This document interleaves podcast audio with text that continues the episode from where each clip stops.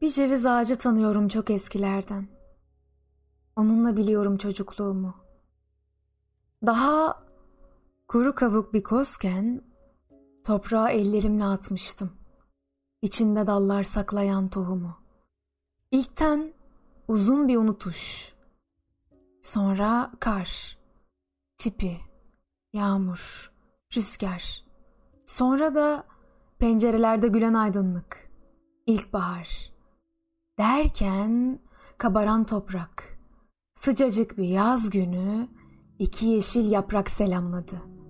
Mavi tablo gökyüzünü ve güneş ve ay ve yıldızlar. Ne kadar da güzeldi. Ne kadar.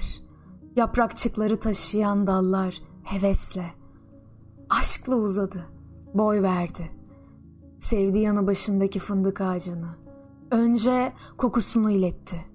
Sonra yapraklarını dokundurarak belli etti komşuluk sevincini.